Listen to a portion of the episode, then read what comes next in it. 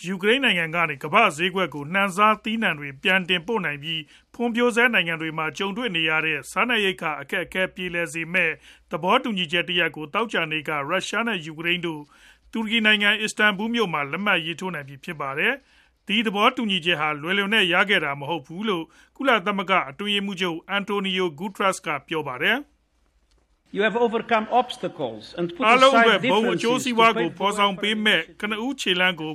လမ်းဖွင့်ပေးဖို့ မတူကွဲပြားမှုတွေကို ဘေးဖယ်ထားပြီး အခက်အခဲတွေကို ကျော်လွှားနိုင်ခဲ့ပါပြီ။”လို့ အတွင်းရေးမှူးချုပ်က ယူကရိန်းနဲ့ ရုရှားကိုယ်စားလှယ်တွေ လက်မှတ်ရေးထိုးကြတဲ့ အခမ်းအနားမှာ ပြောဆိုသွားတာပါ။ယူကရိန်းနိုင်ငံဟာ လူသန်းပေါင်း၄ဝဝလောက်ကို တနှစ်စာ အလုံအလောက် ကျွေးမွေးနိုင်တဲ့ နှံစားသီးနှံ တင်ပို့ရောင်းချတဲ့ ဦးဆောင်နိုင်ငံ ဖြစ်ပါတယ်။ဒါပေမဲ့ ရုရှားက ပင်လယ်နက်မှာ ပိတ်ဆို့ထားတဲ့အတွက် နှံစားသီးနှံ တန်ချိန် သန်းပေါင်း၂ဝလောက်ဟာ သိုလှောင်ကျီတွေ၊သင်္ဘောတွေပေါ်မှာ ပိတ်မိနေတာ ဖြစ်ပါတယ်။ Black Sea Initiative